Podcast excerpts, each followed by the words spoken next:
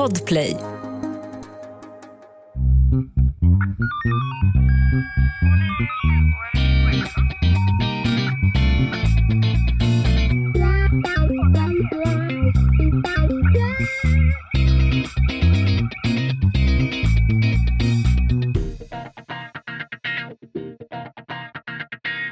Välkomna till krimpoddarnas krimpodd Över min döda kropp. Med mig, Anna Jinghede och Lena på tunn is Ljungdahl. på Ja, men, tunn i, is. ja, Vad men händer? idag Anna är vi på ganska tunn is. Ja, ja, ja, du tänker så. Absolut, absolut. Så vi flaggar redan nu för att idag kommer inte- varken du eller jag stå för expertisen. Det kommer vi inte att göra, men vi kommer att avhandla ett sjuhelsikes eh, intressant och skrämmande, tycker jag, ämne. Ja, och vi har också gått till expertisen. Det har vi gjort. Men innan vi går vidare med det så vill jag bara säga, nu kanske vän av ordning där ute säger stopp och belägg, det är sista torsdagen den här månaden, ska det inte bli case? Ah, Nej, säger vi, det är vi som bestämmer den här podden och nu bestämde vi så att caset kommer nästa vecka. du kan vara gången. case. Du kan vara case. Nästa vecka ska, vi, ska Anna prata om ett eh, supergroteskt case. Ja, det Det kan vi väl ändå säga? Ja, det, det, det kan vi utlova. Eller utlova, alltså det är det ju. Ja, det är ju det. Det blir true crime på riktigt. Det Ja. blir det verkligen. Hela det här avsnittet gör vi i samarbete med RFSL. De har vi samarbetat med förut. Ja, men det har vi och det tycker jag känns otroligt hedervärt och fint. Det gör det. Men vi ska prata om, och det var faktiskt de som valde ämne, och då så tittade du och jag lite på varandra och så bara, men är det verkligen ett sånt stort bekymmer? Mm. Vi ska prata om omvändelseterapi och omvändelseförsök. Det låter ju eh, barockt, höll jag på att säga. Nej, men det låter ju som att det är ingenting som det finns någon plats för i vårt samhälle. Sen vill jag ju inte låta som att jag har legat under en sten. Jag fattar ju att det är det, men att det är ett så stort... Nej, men alltså, Eh. jag, jag, jag kan verkligen bara hålla med. Jag har sett någon dokumentär bland annat om detta, eh, men den Mm. utspelar sig i USA. Ja. Eh, och där handlar det om då att omvända eh, gaykillar, framför allt. Mm. I just den dokumentären. Och alltså, jag måste erkänna, jag, jag står för min eh, inkompetens här.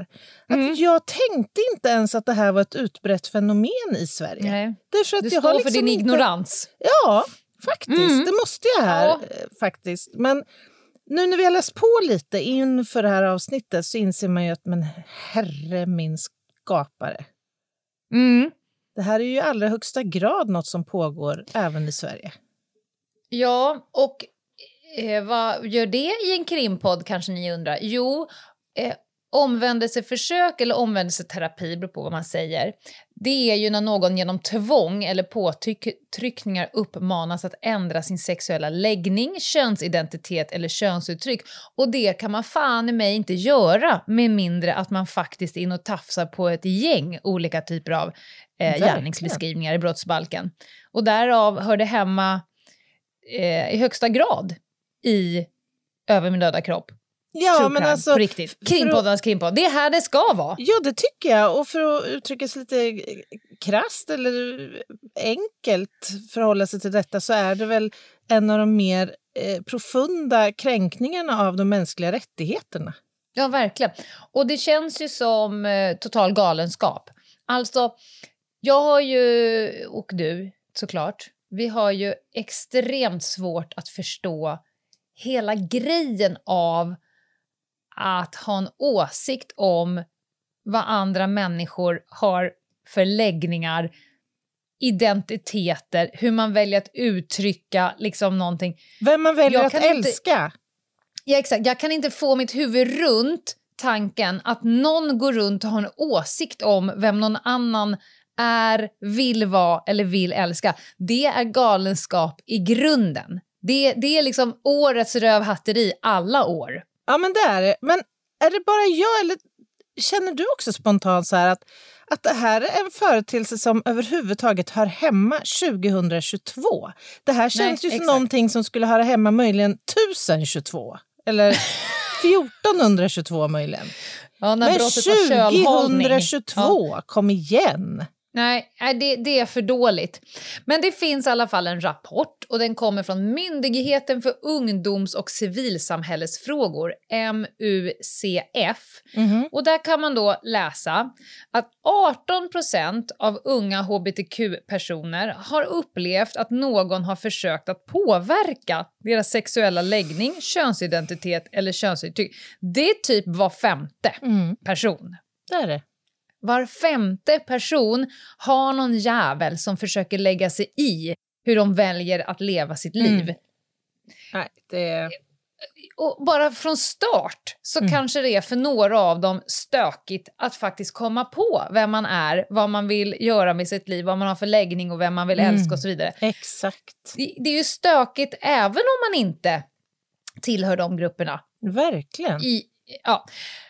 eh, och 5 har blivit utsatta för allvarligare försök till omvändelse. Mhm. Och Det kan röra sig om olika typer av behandlingar, så som att man medicinerar de här personerna. Mm. Man får ingå någon form av gruppterapi. Folk som sitter och ber för en för att det ska, liksom, inte vet jag, läka ut eller vad de säger. Mm. Och till och med exorcism, att det ska drivas ut ur din kropp.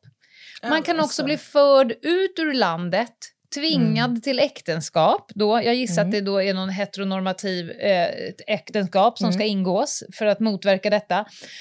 Eh, eller skickad på så kallade uppfostringsresor. Mm, nej, men alltså det är så... Åh, jag, alltså jag vet inte vad som upprör mig mest i det här. Om det, är, ja, det är klart att det upprör mig mest att det är den djupaste av djupa kränkningar mot en extremt utsatt grupp redan från Mm. början. Men också att det faktiskt görs i medicinens namn, i religionens namn, i Ja. hederns namn. Alltså det förtäcks bakom eh, delar och aspekter av de här människornas liv som gör det omöjligt för dem att värja sig från det, tänker jag. Alltså de är ju under sagt. otrolig press. Inte bara från Mm. sin familj kanske, utan från ett samfund eller från en läkare eller vad vet jag, en psykoterapeut eller en ja, imam, en präst, en... Förstår du? Alltså den... Alltså, no- ja. Ja, och, och någon som de kanske redan står i beroendeställning till Ja. eller som har någon form av maktutövning över Exakt. dem och deras liv. Nej, det finns en särskild plats i helvetet för den här typen av människor, skulle jag med bestämdhet vilja hävda. Mm. Om man ser lite vad man ska, eh, vad det gör med människor. Du var inne på alltså, de mänskliga rättigheterna. Mm. De är ju ganska många till antalet, eh, men många av dem handlar ju om rätten ja. att vara sig själv, att uttrycka sig själv, att få välja själv. Mm. Det är ju... Vi, nu ska jag absolut inte klä mig i hatten att jag förstår hur detta känns. Men jag kan förstå känslan av när andra människor bestämmer över en Mm. som gör att man behöver göra våld på sig själv. Det har vi alla upplevt någon gång. Mm. Ja, och det skulle ja. jag nog kalla en otroligt mild variant om man Mm. jämför med det här. Mm. Men de fruktansvärda skavet man får i sin själ när det händer. Och så tar du Ja, men- det gånger Ja. tusen då gissar jag. Jag tänker att effekterna för de här individerna som utsätts måste vara otroligt svåra. Alltså om vi bara pratar den psykiska effekten det får på en Mm. människa att utsättas för det här. Ja, och, och eh, ja, jag vet inte, all, för mig är det här som, som en avancerad variant av tortyr mot en annan människa. jag. Jag tror äh, faktiskt att FN har likställt det med tortyr. Ja, ja och, det, och det kan man ju lätt förstå. Mm, Sen har vi skammen. mm, Alltså att ge en annan människa skam. mm, Alltså att man ska skämmas, eh, inte för någonting man gör, utan att skämmas för ditt innersta väsen. Du ska, mm, Att känna skam inför vem jag sannoliken är, mm. är ju eh, fruktansvärt.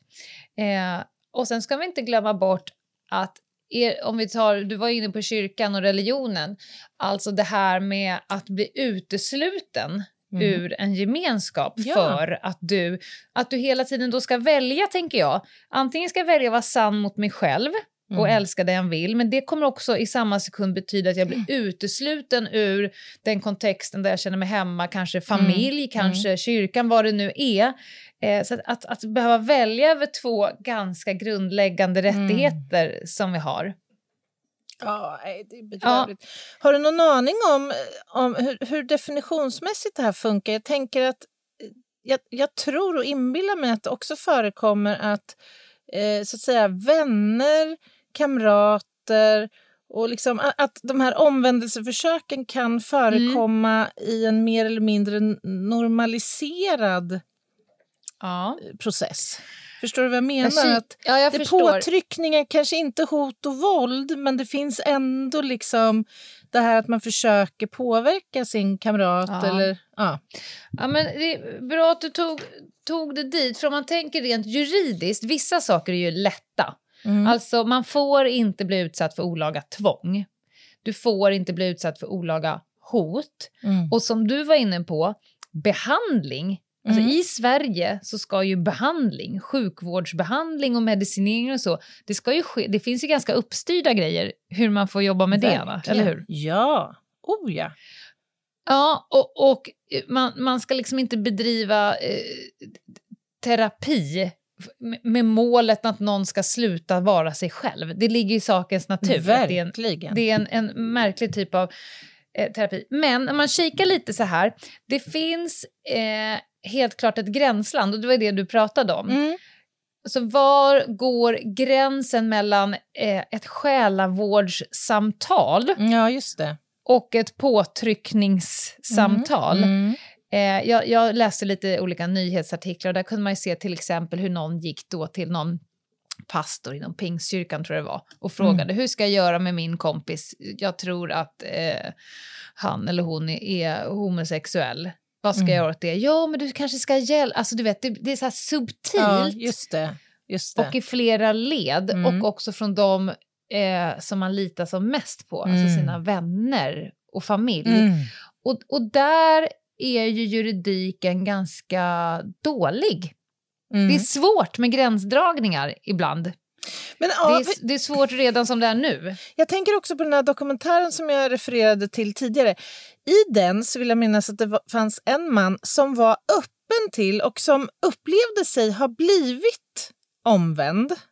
Ja, Alltså att han på något sätt gav samtycke till att Ja, låta sig omvändas och utsättas för eh, ja, alla de här sessionerna. Då. ja. Är det straffbart men- då?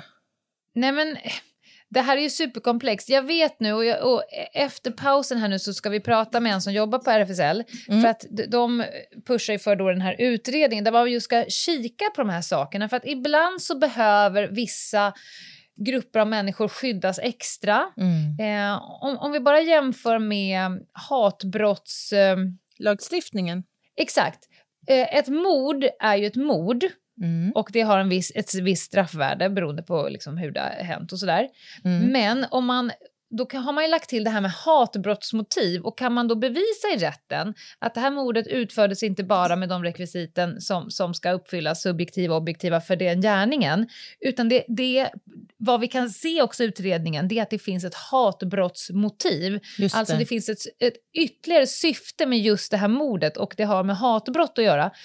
Då eh, bedöms det eh, hårdare i Mm. straffbedömningen. Det vill säga du kommer få ett ännu hårdare straff. Mm. Du kan ha misshandel med hatbrottsmotiv. Det är liksom som en, man plussar på, det här vi pratade om tidigare. Mm. Och då, nu vill man då utröna om man kanske ska göra det. Så om man då har till exempel ett olaga tvång eller ett olaga hot eller något sånt här med motiv till omvändelse ska, ska det bli ett, ett strängare straff. Mm. Jag tycker det inte känns något annat än helt rimligt. Nej, jag håller med. Verkligen. Det är en viktig markering också tycker jag. Därför att det här är ju då brott som riktas återigen mot en så utsatt grupp.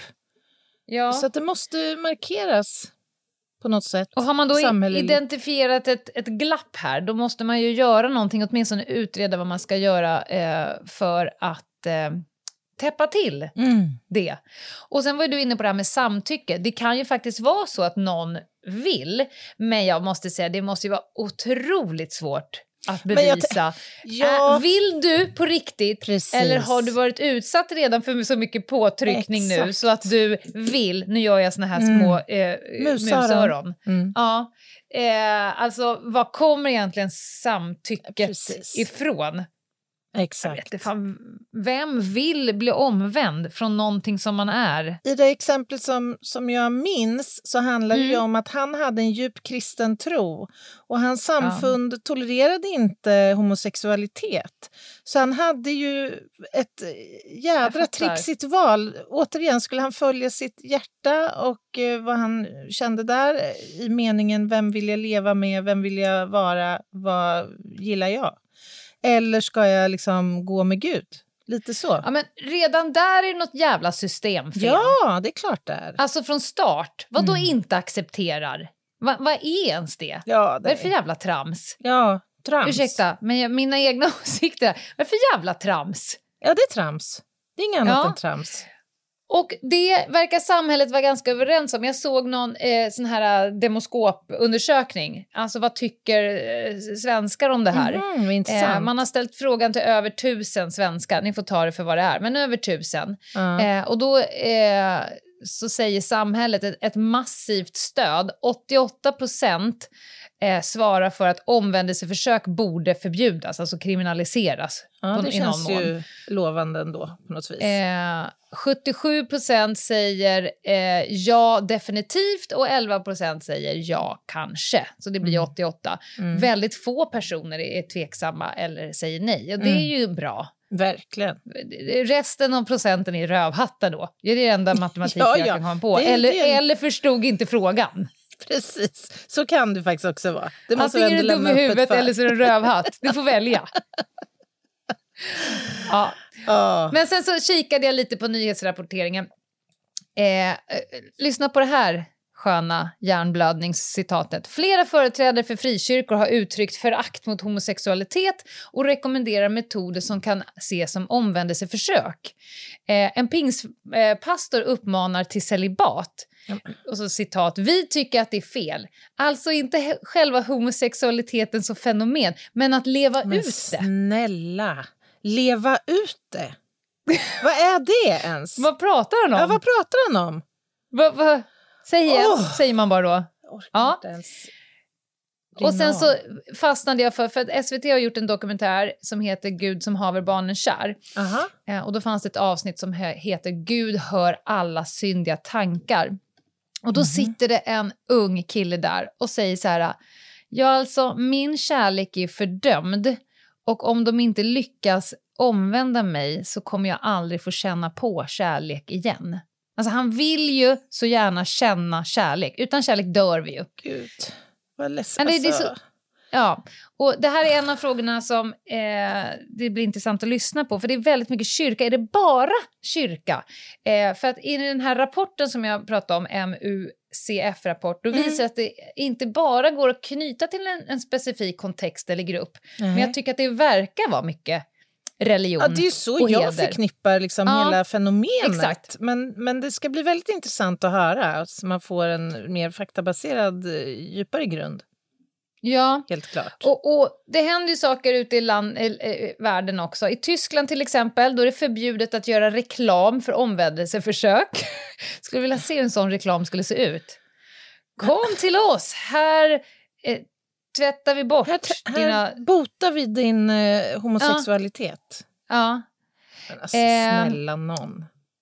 Och på Malta finns det en lag som ger skydd för sårbara personer Jaha. som på grund av till exempelvis ålder eh, eller neuropsykiatriska funktionsvariationer löper stor risk för att samtycka till omvändelseförsök Jaha. mot sin vilja. Vad alltså, fint. är du någon av de här grupperna så kommer vi inte tro på ditt samtycke. För Men vi tror att du gud. är ännu lättare att bli påverkad än det andra. här låter till spännande. Ja, men jag tror att det händer saker där ute. Vad fan, det låter helt barbariskt det här. Verkligen. Nåväl, det finns såklart hjälp att få och en av de ställena är ju RFSLs stödmottagning och det är där vi också har hämtat expertisen. Vi ska efter pausen få lyssna på kuratorn Maria och Mm. höra med henne. Ja, låt säga så här, vi har jättemånga frågor. Jag tycker det ska bli så intressant. Det, och det känns så viktigt att vi gör det här avsnittet. Jajamän, och hon kommer efter pausen. Ny säsong av Robinson på TV4 Play. Hetta, storm, hunger. Det har hela tiden varit en kamp. Nu är det blod och tårar. Fan händer just nu. Det. är Detta är inte okej. Robinson 2024, nu fucking kör vi! Streama söndag på TV4 Play. Poddtips från Podplay. I fallen jag aldrig glömmer djupdyker Hasse Aro i arbetet bakom några av Sveriges mest uppseendeväckande brottsutredningar. Går vi in med hemlig telefonavlyssning och, och då upplever vi att vi får en total förändring av hans beteende. Vad är det som händer nu? Vem är det som läcker? Och så säger han att jag är kriminell, jag har varit kriminell i hela mitt liv men att mörda ett barn, där går min gräns. Nya säsongen av Fallen jag aldrig glömmer på Podplay. Välkomna tillbaka. Då sitter jag, Lena, återigen i vår fantastiska poddstudio hos eh, Podplay. Och idag är det inte Oliver bakom spakarna utan praktikant Anna. Superspännande.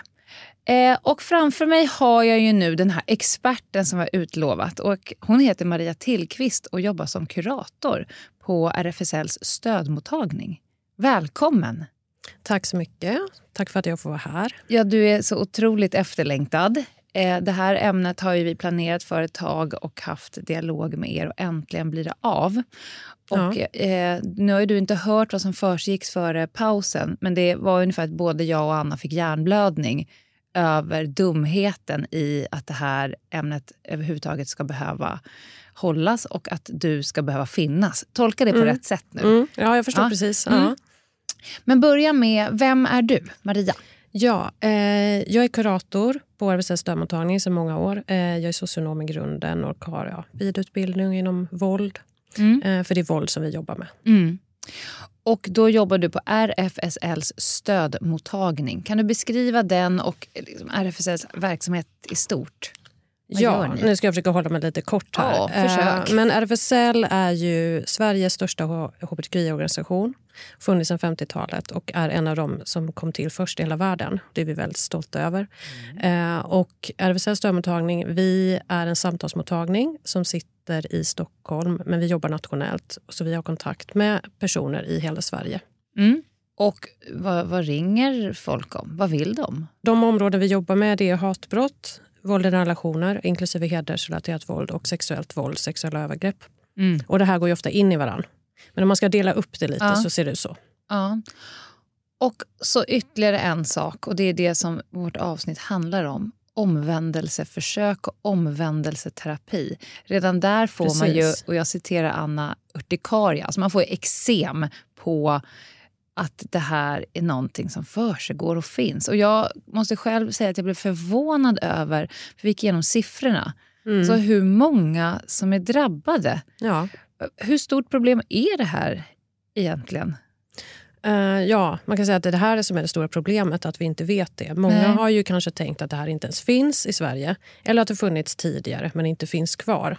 Men jag träffar ju, och mina kollegor har ju träffat många under många år. Eh, Mm. Jag har arbetat med de här frågorna i tio år. Som har varit med om det här på olika sätt. Mer eller mindre allvarligt och i väldigt mycket olika sammanhang. Mm. Eh, och ja, men, De siffror som ni liksom har pratat om, det är ju det vi har i dagsläget. Det Ja. finns nästan ingen forskning. Eh, vi känner inte till några rättsprocesser.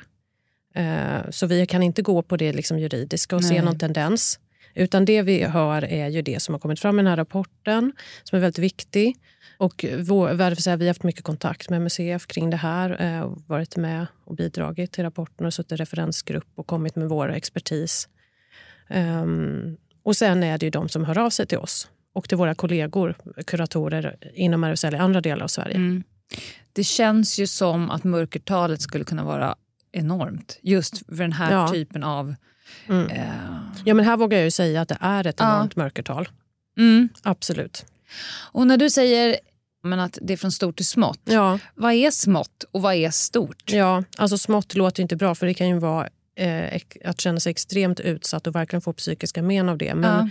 det som vi då i vår verksamhet säger smått, det är ju att någon i ens närhet som man känner, det kan vara en religiös ledare, det kan vara någon annan person som man ser upp till, som har en ledarposition Mm. eller någon organisation man är med i försöker övertala en att man inte ska vara hbtq-person. Alltså att man ska ändra sin sexuella läggning, att man ska ändra sin könsidentitet eller sitt könsuttryck. Mm.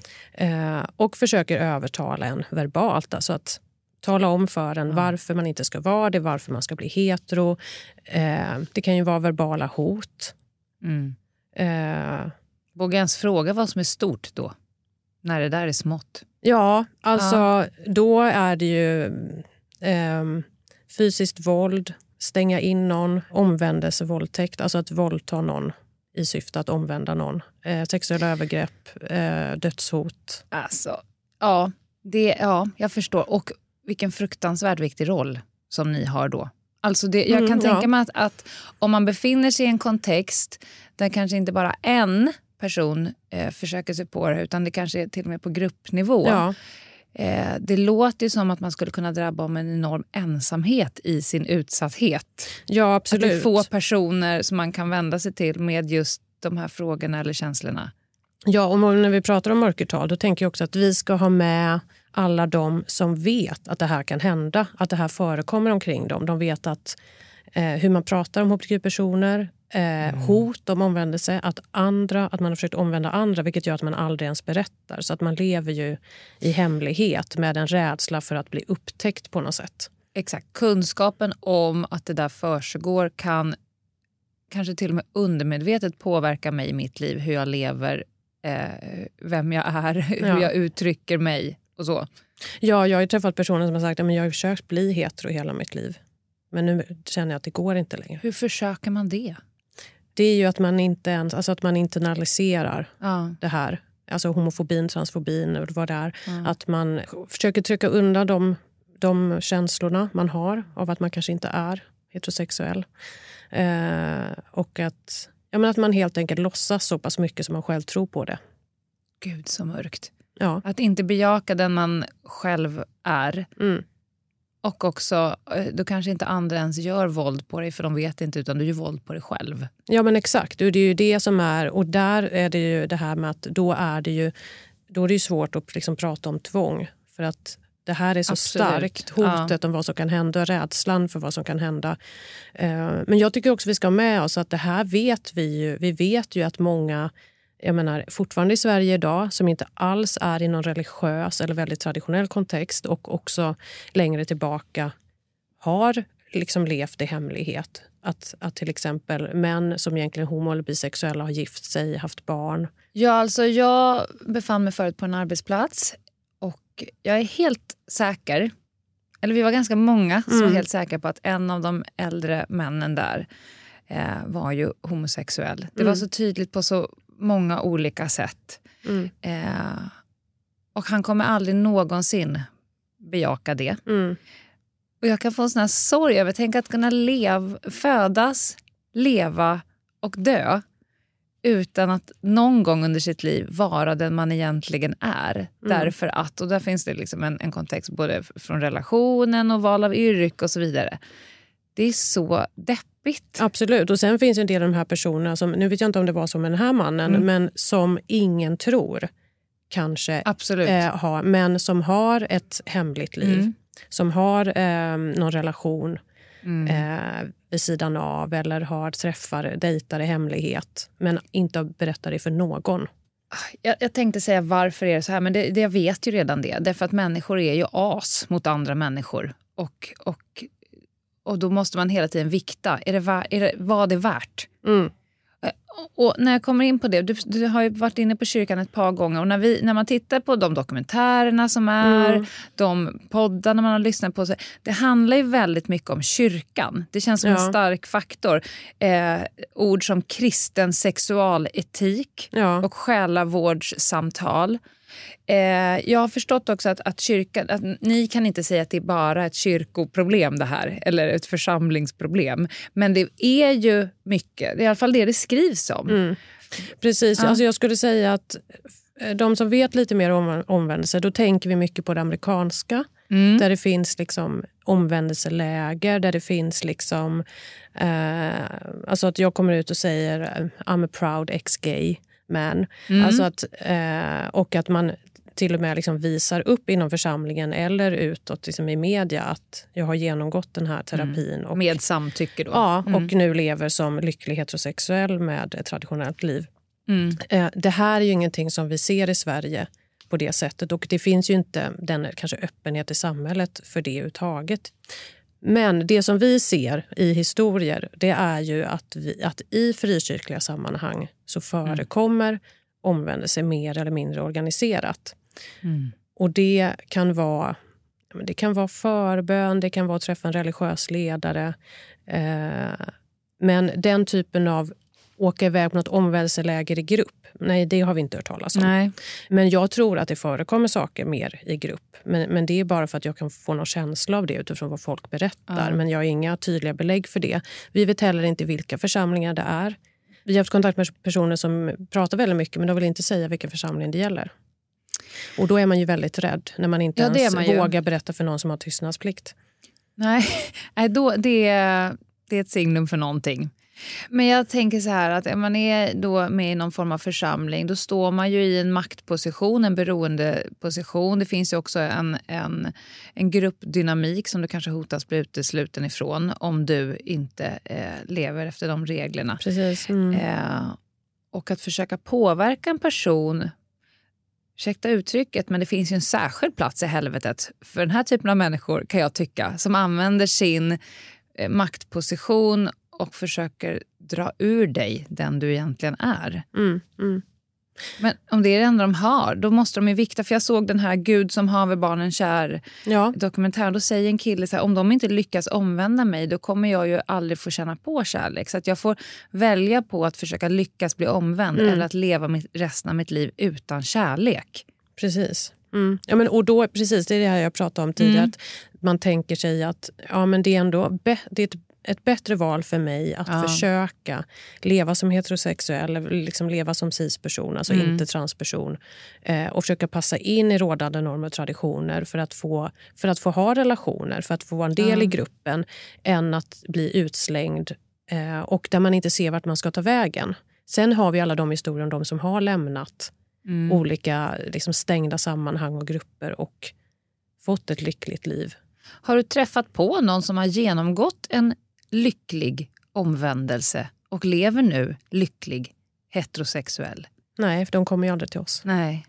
För vi är en hbtq-organisation Ja. så det är bara de som identifierar sig som hbtq-personer. Ja, du har aldrig varit med på en det. sån resa liksom? Nej. Nej, svårt att Däremot har jag till exempel träffat en man som som ung levde som eh, öppet gay. Mm. Eh, sen gick in i en församling, förnekade det här. Mm. Eh, och Då var det ju inte ens att utsattes liksom för någon omvändelse utan själv bestämde sig Mm. för att leva det traditionella. Och, eh, men sen inte stod ut och bestämde sig för att ja, men det går inte att förtrycka det här. Jag är ju gay Mm. och jag måste lämna det här. Och Mm. var oerhört rädd och väldigt hemlighetsfull i Mm. vår kontakt.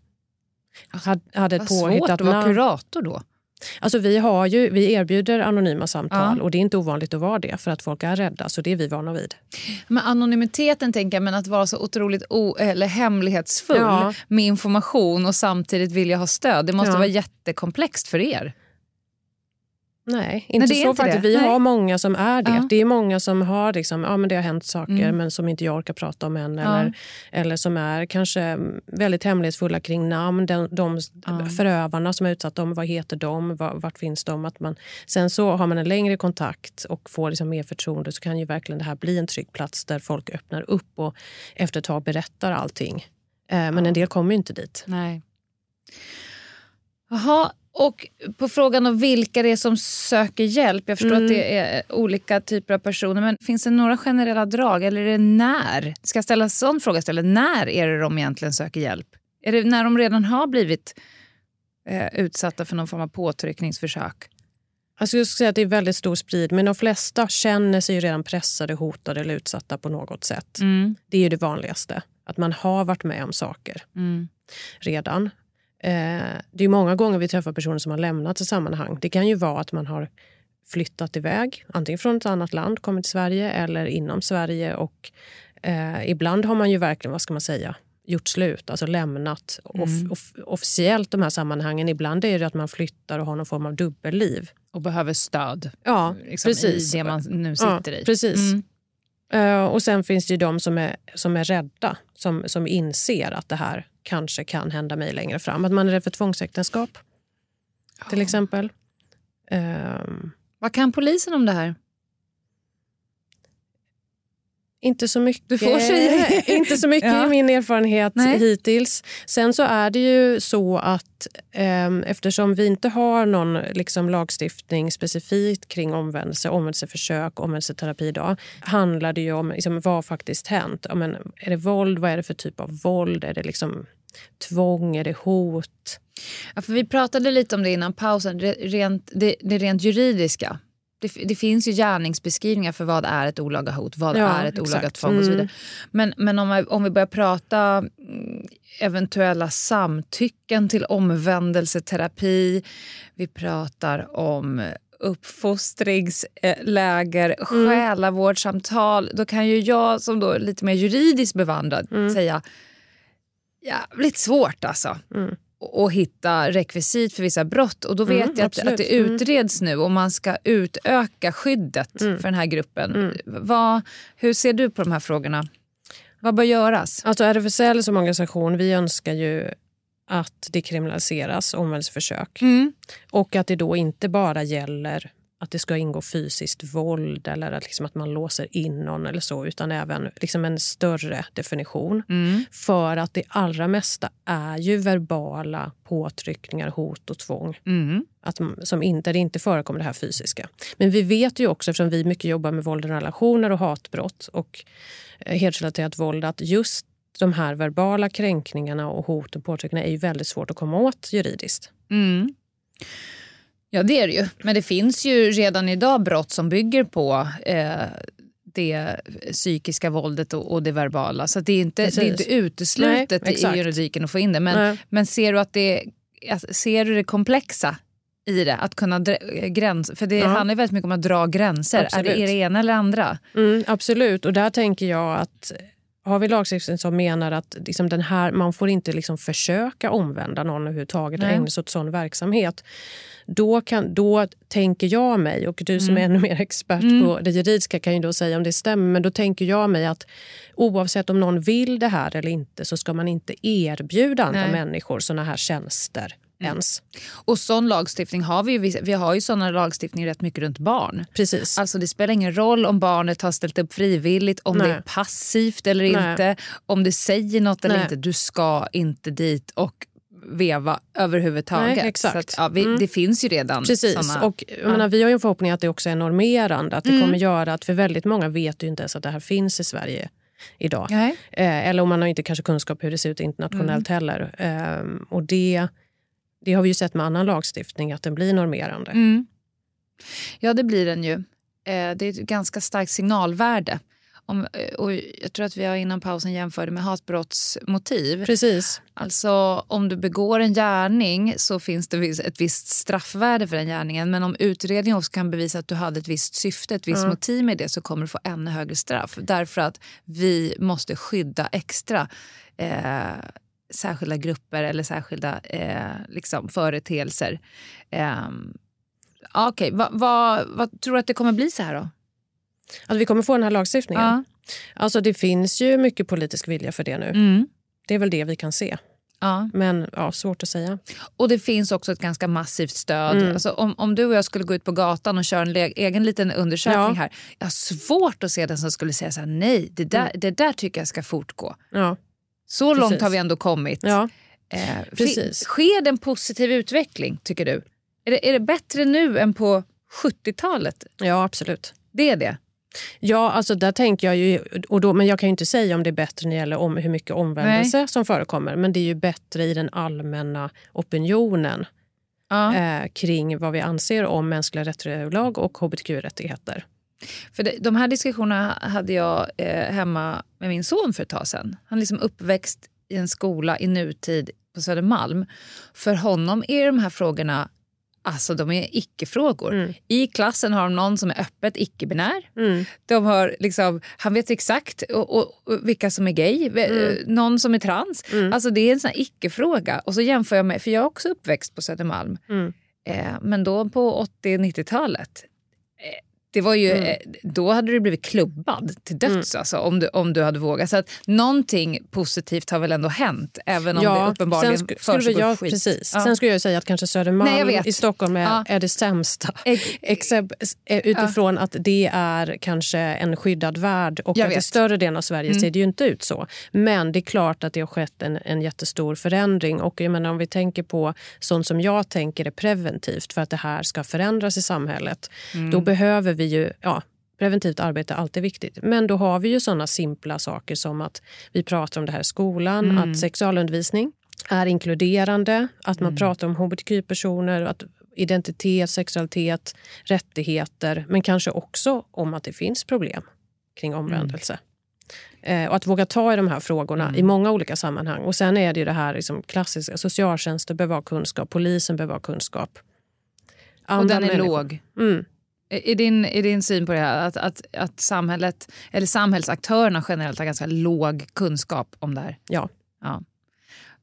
Och vem ska öka den? Är det, är, ligger det på ert bord att vara kunskapskällan? Eller finns det någon som Ehm. vet mer än vad ni vet i det här i Sverige? Svårt att säga, inget som vi har märkt tydligt. Nej. Sen skulle jag också säga så här att, att det har vi inte pratat om så mycket än, men som jag sa att våld i relationer, vi vet ju inom när det gäller heders, att leva i en hederskontext och vara utsatt för hedersrelaterat hot och våld så förekommer det mycket påtryckningar att ändra sig. Det är ju också en typ av omvändsförsök Mm. och ibland sker det i mer gruppsammanhang, religiösa eller liksom eh, gemensamma sammanhang och ibland är det mer något som sker inom familjen och att det handlar om mer nära personer. Men det finns ändå vilja att genom våld och hot få någon att inte vara hbtq-person.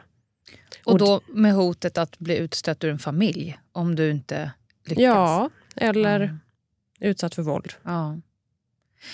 Finns det något sånt där, eh, någon särskild händelse eller ärende som, som fastnar i dig? Jättemånga. Jättemånga. Ja, ehm, jag har träffat flera bisexuella eller lesbiska kvinnor. Eh, inte i Sverige, utan andra länder som har varit utsatta för omvändelsevåldtäkt. Va, vad tänker de då? Att om jag våldtar dig så kommer du att bli omvänd? Ja, alltså jag skulle säga att det låter ju så bisarrt. Um, Ja, det gör det faktiskt. Ja, det är det. Men, Ja. För det är ju så dubbelt. Men det handlar ju om att det är ju att straffa. Så att jag menar, det är också samtidigt en form av hatbrott kan man säga. Mm. Man straffar någon för att vara hbtq-person och motivet är att visa avsky och hat. Mm. Men det också finns någon idé om att du ska, vi, du ska inte vara intresserad av kvinnor. Du ska, ha, du ska lära dig hur det är att ha sex med en man. Det är det här du ska lära dig att vilja och tycka om. Så det är ett väldigt liksom, komplex handling. Och som ju framför allt handlar om att kränka någon. Och utöva makt såklart. Absolut. Um, eller andra sexuella övergrepp. Uh, och det har ju, finns ju män som varit utsatta, inte bara kvinnor. Och som vi läste oss till rent medicinska grejer, att man försöker liksom medicinera bort. Precis. Där ställer, Anna är ju den som är inom det medicinska Mm. skrået av oss. Eh, hon la ju pannan i djupa veck. Att man utövar någon form av eh, vård Mm. mot någonting som inte är en sjukdom. Precis. Och jag menar, I de här sammanhangen så ses... Jag menar, det finns ju olika... Ja, som sagt, det är ett väldigt odefinierat begrepp. Mm. Vi säger omvändelseförsök. Och det är för att vi ser väldigt olika saker som inte går att bara kalla omvändelseterapi. För att, framförallt Sverige när vi säger terapi, då tänker vi ju på ja, psykologer. Ja, visst, liksom, visst. Det är inte det vi ser, utan eh, det kan ju vara någon liksom, auktoritär ledare. Eh, på något Mm. sätt. Men just att någon psykolog ska utvärdera, det har inte jag hört. Nej, och Däremot i andra länder, Ja. men inte i Sverige. Psykologförbundet har ju gått ut och Ja. satt ner sin fot. Precis. Jättebra. Ja, jättebra.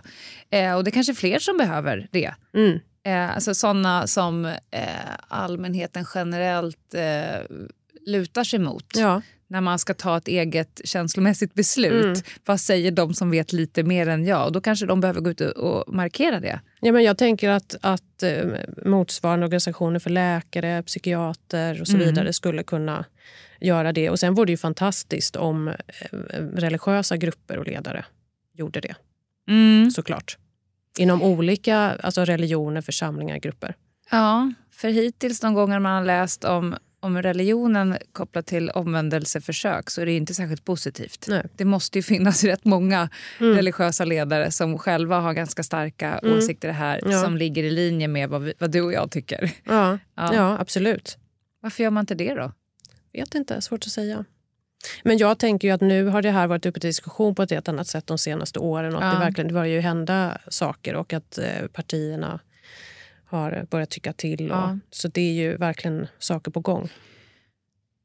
Jag har en fråga här. Hur har vi det med rättsprocessen? Men du sa ju att du vet inte om någon. Att en rättsprocess Nej. där det här är en... Nej. Nej. Det, det går väl in under vanliga då, olaga hot, olaga tvång. Ja, men Ja. Alltså, precis. Vissa, alltså, sen kan vi inte säga att det inte har hänt. Nej. För Jag tror säkert att det finns. Ja. Det har säkert funnits med, men Mm. i bakgrunden man inte ens har förstått Ja. det kanske. När det gäller domar för våld i relationer, hedersrelaterat våld och förtryck, hatbrott. Ja. Okej, eh, vad behöver göras eh, framöver? Vad är liksom din önskelista? Ehm, som jag redan varit inne på, att det finns kunskap och då handlar det ju som om utbildning för olika yrkesgrupper Mm. som träffar människor. Mm. Skola, polis, socialtjänst, vård och omsorg. Ehm, sen hoppas jag på forskning kring det här. Alltså MUCF har gjort sin rapport men, men eh, liksom att universiteten i Sverige Mm. eh, blir intresserade av att bedriva forskning. Ehm, och att den politiska debatten fortsätter och som vi redan varit inne på att både alltså civilsamhället, eh, trossamfund, eh, politiska grupper och partier diskuterar de här frågorna och liksom driver opinion och driver frågan. Eh, jag kom på en till fråga. Vi får ju rätt mycket flyktingar till Sverige. Ja, Jag kan tänka mig att ett av skälen till varför man har lämnat ett land kanske det här ligger som en, en av beslutspunkterna för en person att komma till ett annat land för att de kanske redan är utsatta för det här. ja. Och så kommer de hit. Är det vanligt? Är det, träffar du såna personer som har flytt på grund av deras sexuella läggning eller Ja, jättemånga. könsidentitet? Varje vecka. Ja.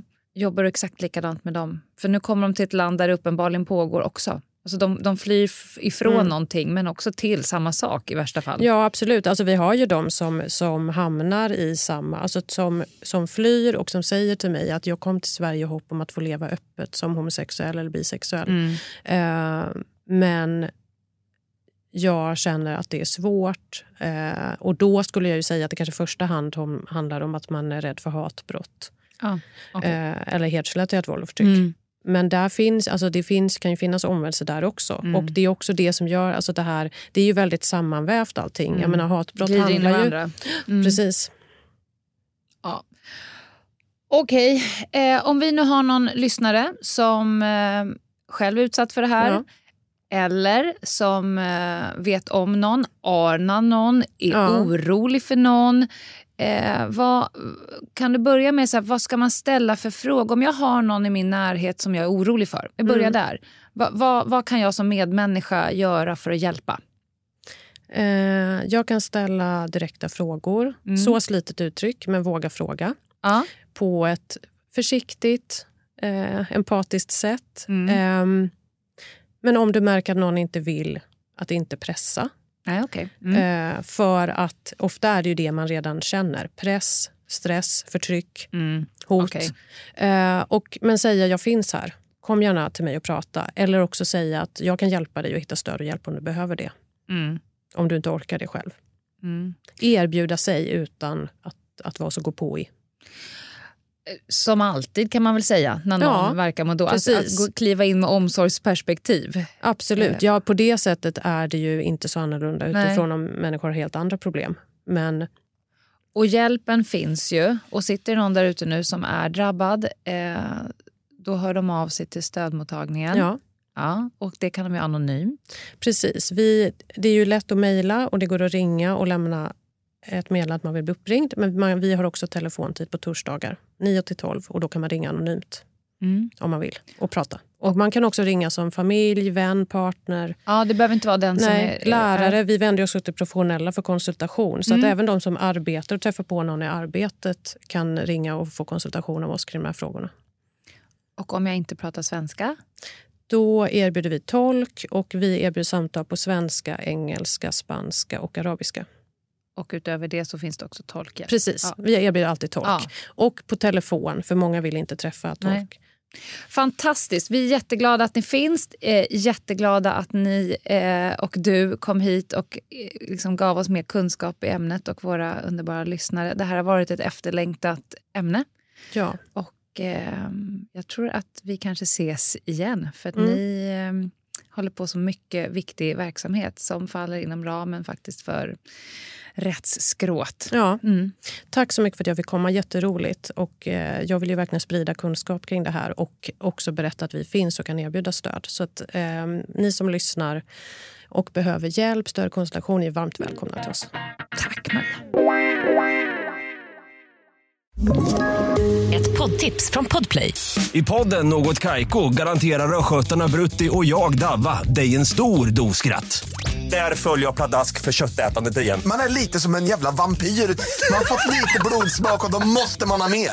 Udda spaningar, fängslande anekdoter och en och annan arg rant. Jag måste ha mitt kaffe på morgonen för annars är jag ingen trevlig människa. Då är du ingen trevlig människa, punkt. Något Kaiko, hör du på Podplay. Därför är gardinerna. Välkomna tillbaka. Det här är alltså, det torde vara avsnitt 297 och idag så har vi pratat om eh, och med Maria som är eh, queen vad gäller omvändelseförsök. Vilken Ja. otroligt intressant intervju, Lena. Och eh, jag är lite tagen av det här temat. Ja, och vad tacksam man är att det finns människor som kan mer om sånt än vad vi gör och faktiskt stöttar de som behöver stödet. Jag tycker det vore så intressant någon gång i framtiden att kanske till och med prata med någon som har erfarenheter av det här. För jag tror att de erfarenheterna är så viktiga för andra som går igenom det här och upplever detta just nu och kommer att göra. Det vore superintressant. Vi kan ju fråga henne om hon vet någon som eventuellt vill ställa upp anonymt och Mm. köra en intervju på det som ett steg två på det här. Det vore jätte... Bra idé. Det skulle vara jättegivande. Eh, Mm. Och tills dess, ska vi inte ta och repetera uppgifterna till stödmottagningen? Alltså RFSLs stödmottagning som man kan vända sig till om man är utsatt för eh, omvändelseförsök eller har frågor om omvändelseförsök eller omvändelseterapi. 020 34 13 16. 020 34 13 16. Och det går såklart bra att vara helt anonym när man ringer dit. Snyggt, Anna! Då stänger vi... Eh, jag tänkte säga då stänger vi det mörka, men jag kom på att jag ska köra en rövhatt sen. Det blir Just ganska det. mörkt. Det kan bli mörkt. Men däremellan kan du sticka in med lite ljus. Oj, får vi prata om det? Får vi prata om, om det heligaste? det är ju torsdag nu? idag. Det är ju Ja. torsdag idag. Ja, det har hänt redan. Wow, wow, wow. Det har hänt lite grann. Var det ljus? det Lite ljus. grann? Nej, men alltså vi säger det Vadå bara. lite grann? Det är understatement of the year. Ja. Vi vann ju Adlibris debutantpris! Ja, men alltså, när man får det mejlet. Hej tjejer, jo jag tänkte, för det var ju våran PR Ja. eh, mo, Sara det. Dobbare, som hörde av sig. Jo, det är bara en liten grej, jag sticker emellan här. Eh, ni är tydligen årets debutbok. Fan. Nej, men alltså... Eh, Och sen, nej, men, och sen hon Ja. lägger till, men ni får inte säga något till någon på två nej, exakt. veckor. exakt. Vad är vore- det? tortyr! På tal om tortyr. Ja, exakt. Nej, men vi är Nej, men så det är så hedrade stort. såklart. Ja, men det är det ju.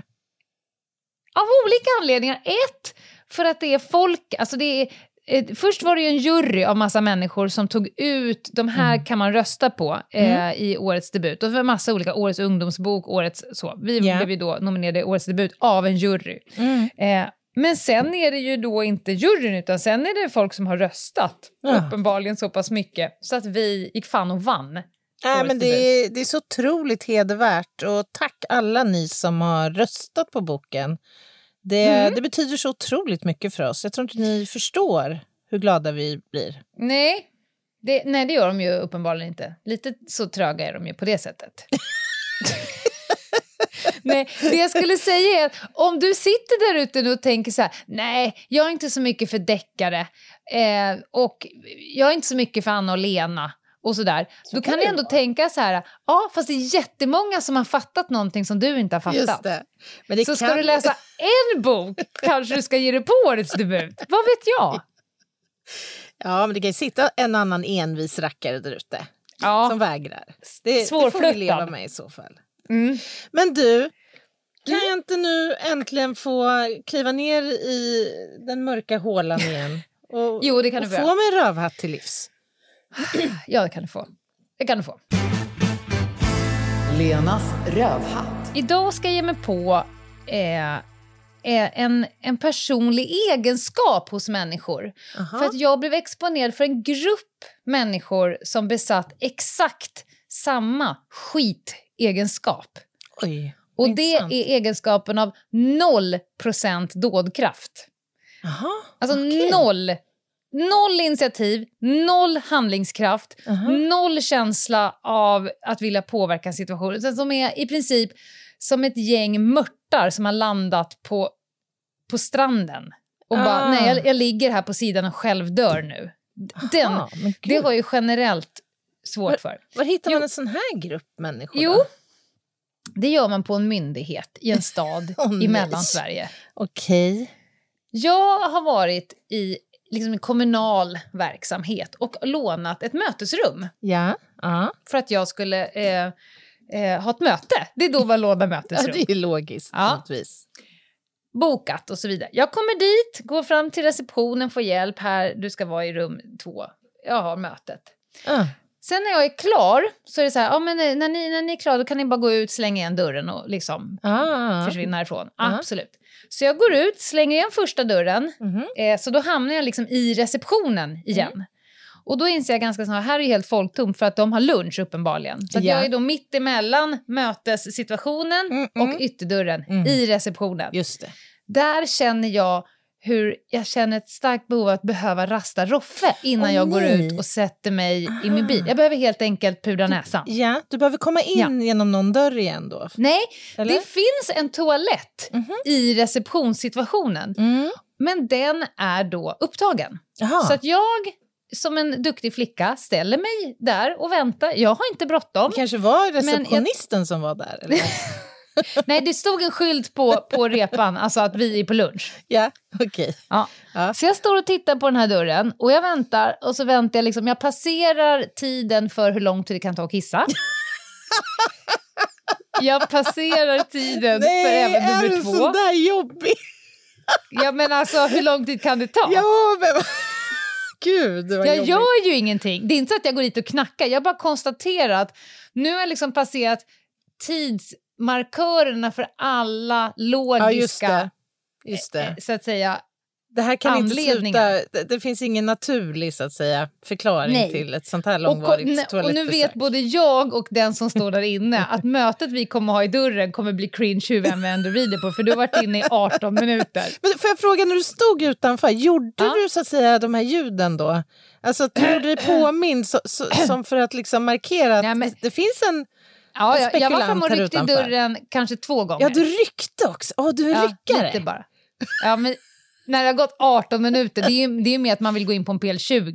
Det är någon som typ ja, död ja. inne. Ja, ja, ja. Då, Tankarna börjar komma där. Mm. Ja, och då tänker jag så här, och så tänker jag, är de så jävliga så att de eh, liksom låser den så att den blir röd och går på Ah, lunch? just det.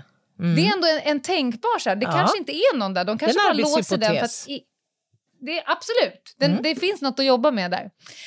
Men jag ser ju då in, bakom repan så ser jag ju deras personalkök, där sitter kanske åtta pers. De har suttit där hela tiden. De har sett mig, jag har sett dem. Mm. Aha. Det är inte mer än kanske 25 meter mellan oss och det är en lång korridor och Ah. glas. Ja. Jag ser dem, de ser mig. Så efter ungefär 20 minuter då kommer det ut en av dem. Hon har ytterplagg på sig. Då sa jag, hej! Jo, jag har precis lånat ett av era mötesrum eh, och nu skulle jag behöva gå på toaletten. Precis det är bara det att har varit- lånat. Det, här, det har ju gått en halv Ja, förmiddag Förra här. veckan. nu skulle jag behöva gå på toaletten. Ja, tittar hon på mig som att... Hur, hur, och hela, hela uppsynen är, hur fan blir jag involverad i det Ja, här? Du vet hur människor kan det här bli som redan mitt från problem? start Exakt! Redan från start så har hon approachen, hur kan det här vara mitt problem? Ja. Åh. Hon, hon ville säga ser ut som jag jobbar här, men vi var båda helt överens om att hon gjorde det. Så att det, den kunde hon inte droppa. Och då sa jag så här, problemet är bara att det har varit låst i 20 minuter. Så att min första fråga till dig är, är det någon där inne? Alltså, eller har ni låst? Ja. Och då är hon, hon tittar på mig med sina döda mörtögon. Jag vet väl inte om det är någon där inne. Nej, okej. Men då, då tror jag eventuellt... För om ni inte har låst, då tror jag kanske Jag att tror vi har... eventuellt ett- att vi kanske har ett litet tillbud. du. Exakt. Ja. Och jag, i min värld, jag kan inte bara gå. Jag hade Nej. omöjligtvis kunnat bara gå ur den här situationen. Det. Om det nu är någon där inne. Det, det finns inte. Utan då, då, I min värld känner jag så här, nu äger du och jag det här problemet tillsammans. Ja, ja, ja, du så som en myndighetsutövare och, och jobbar här. Nu jobbar vi Och jag- kollektivt med frågan. Och jag som en medmänniska och Ja. också hyfsad på olika typer av saker man kan behöva i situationen. Ja, det får man Nej, ändå hon säga. står där. Hon står där och så sa jag så här, nej men så att nu, nu behöver vi liksom äga den här situationen. Ah. Och då går hon in igen. Det är nu, det är nu rövhatten kommer. Då Okej. går hon in, för hon tänker så här, det här kan hon lider ju av det vidrigaste som finns, det är någon annan ism. Det här Ja, måste vara ja, ja. någon annans Berit, problem. Berit, Ja, det står någon här ute nu. Det är något med toaletten. Kan du... ja. Så hon går, hon stänger dörren framför mig, hon går hela de här 25 meterna bort. Nu står ju hon dikt an vid det här frukost, eller vid lunchbordet. Ja. Och så ser jag ju liksom på, hon står väl och nu förklarar och, och man det. ser hur någon trött lyfter huvudet, vrider det långsamt bort till mig. Och jag står där, vinkar lite som miffo. Hallå, ja, det är, det är jag. Huvudet vrids tillbaka ner. Och så känner jag så här, nej men det kommer inte hända något mer. Det händer inget mer, Nej, Anna. men alltså slut. Hon går in igen och ingen person reser på röven. Ingen lyfter sig. Men De är alltså, alltså- åtta kvinnor som jobbar i receptionen i kommunal verksamhet i Ja. en mellanstor stad i Sverige. Deras jobb är att serva... Deras eh, jobb är liksom- service. Ja, det, det är deras jobb. Jag får de här jävla fiskögonen från ett par av dem innan de återvänder till sina jävla fläskfilémedaljonger som de har burit dit i en sån här jävla lunchkasse. Och vad är det? Vilka människor går runt med en frys med en sån här jävla kylväska som det står lunchbox på? Vem är det? Ah, jag dör!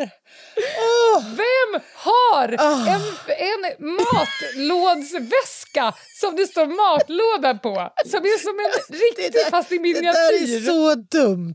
Det är så dumt. Vem Fan. tänker ens att man vill investera pengar i en sån påse? Det är inte Jo, så att maten hinner visa- ruttna mellan ditt hem och jobbet. Jag vill Då visa hela världen. Jag vill visa hela världen att jag har lunchlåda. Dumhuvud, stoppa ner den i väskan. Ja, det var ett litet Men får sidospår. jag fråga, knackar du på? Vid det här laget måste, lär du ju ha liksom ändå... Ja, ja, ja, ja, Ja. ja. Nu står jag ju liksom och dunkar i dörren. Ja. Och, jag, och jag börjar också titta på dörrens funktion. Kan jag stoppa in ett, ett kreditkort och du vet, flippa upp den? För Ja. vissa såna här har ju vredsaktigt. Just det. Man Ja. behöver ju bara Ja, något ja, ja. lite mera hårt. Mm. Nej, det var inte sånt. Det var helt slät. Så jag var tvungen att liksom Men använda det kanske naglarna. Berit hade... Hon kanske kunde ha bidragit med en lunch, ett lunchbestick. ja, men, nej, men hon har, har ju gått in! Hon har gått in och låst in sig med de andra jävla subborna. De sitter och glor på mig 25 meter bort. Ingen lyfter sig. Och jag hör, jag hör hur de säger så här, men jag har ju lunch till klockan ett. Ja, Alltså det är ju får 17 vänta. minuter kvar av min lunch. Nej, alltså vad fan Nej, händer? alltså- Så jag går ju fram till den här dörren, det är Mm. liksom som en glasdörr. Och så går jag fram till dörren och bara knack, knack, knack. Alltså jag slutar så här. Ja. Jag slutar inte. jag bara Frenetiskt, står där som en frenetiskt jävla... knackande. Ja, lite, lite, lite underbett. Ja. Kom hit nu för Fram- fan. Och då kommer en annan och bara så här... Då kommer en annan så här, det är inte vi som har låst. Nej, men, men- då är det någon som har dött där inne, för nu har det ju tagit typ en halvtimme. Då är det någon som har Det är dött där inte vi inne. som har låst. Alltså, alltså Åh! Alltså Hjälp. människor som helt saknar känsla av dådkraft, Ja, handlingskraft, ja. ansvarskänsla, Ja. något lite jävla... Servicekänsla. ärmarna och börja jobba kärring. Nej, usch, Vad passivt. usch. Men, men hur slutade historien? Fick du tömma ut sen? Ja, jag fick sena. Som kom ut där. Det var ju, till slut så kom det ut, jag vet inte, Bollmora träskmonster från Fragglarna. Hon som vaktar skräphö, skräphögen, hon som vaktar rädisorna. Tumla ut där. Jag tror jag förstår. Men, och du fick slå ner rumpan på en väl uppvärmd toalettsits. Du, jag gick inte in på den toaletten kan jag säga. Inte. Jag- var så arg så att allting i mig har ju bara Just det, sugits just upp. det. Du Men behövde jag tror inte att jag skulle kräkas ut med ett urin på Berit. Åh. Ja, nej, nej. Jag bara säger det. Såna där människor som inte kan uppbringa någon form av umf. Ja, men man kanske Jag kan... vet inte vad de ska syssla med för jobb. Jag, för jag, åkte, jag var arg som en jävla bålgeting när jag åkte Mm. hem. Och så var det också en lastbil som skulle köra om en annan lastbil. Du vet, jag hade en dålig period. Men jag, då satt jag och funderade, undrar vad en sån där människa, eller vad de där åtta, nio personerna, undrar vad de ska egentligen jobba med. Ja, det undrar jag också faktiskt. Och jag tänker att ni som känner igen er i den här situationen kanske ska utvärdera ert... här matlåds... Ja, ni kanske ska utvärdera ert yrkesval. Det kanske inte är det här som ni egentligen brinner för, tänker jag spontant. Ni kanske Nej, ska nej. göra någonting annat som känns mer Nej, men- festligt. Alltså Anna Jinghede, det spelar ingen roll om du hade jobbat i 30 timmar i sträck. Du har precis fått din första matbreak på 30 Mm. timmar. Du är svettig, varm, förstoppad, Just det. sur, hungrig. Om någon jävel hade stått så där och bara ursäkta, då hade du flugit upp Ja, det från den här jävla stolen och bara Ja, cover ja. me I'm going in. Jag hade inte Fucking släppt fuck. situationen förrän vi hade rätt ut om det var någon Exakt. fara och färde och att du hade Och det är fått också tömma din blåsa. därför jag står ut med dig trots alla dina egenskaper. Där har du det. Jag vet Ja. ändå att det bor en liten jävla handlingskraft i dig. Ja, men det känns ändå det känns peppigt, tycker jag. Att det finns något där att bygga vidare på. Men säg inte att du har en sån här jävla rosavit rutig lunchboxpåse för då gör jag slut. Nej, nej, nej, nej, nej. Jag har aldrig Okej, förstått grejen jag ger mig där. nu. Oh, tack. Tack för den här. Den var ju väldigt rolig ändå, måste jag säga. Man kan ju, man kan ju på något sätt identifiera sig i din liksom, situation där. Vi har ju alla varit i den på ett eller annat sätt. Ja. Och mött de här människorna. De här trötta Tänk om jag hade människorna. kommit igenom glas, man får gå fram, ta tag i, i liksom den här jävla blussättet du har på Ja, men- dig. Ryck upp det från... Fibbo, är du död eller? Men jag tror inte det handlar bara om det. Jag tror också att det här handlar lite om vår kultur. Många människor vill inte riskera hamna i debacle. Hamna i en situation där någon kan vara i nöd. Någon kan må dåligt. Oj, ska vi verkligen kunna öppna den här dörren nu? Tänk om någon sitter och bajsar där inne. Det är så många tankar som, som liksom passerar genom vissa människor som försätter dem i en paralys. Alltså. Ja, paralys. Vi ska inte De liksom... borde gå från paralys till dialys. Det är det enda jag vill. Utan att passa. Det är du som snart får gå i Next. dialys. Ja, Nej, nu får vi ge oss. Jag är Ja. svettig. Oh, hörni, Okej. hoppas ni uppskattade det här avsnittet. Glöm inte Ja. bort RFSLs stödmottagning 020 34 13 16 om du behöver prata om omvändelseförsök eller få hjälp. Ta hand om er och vi hörs. Ta hand om er. Bye! Bye!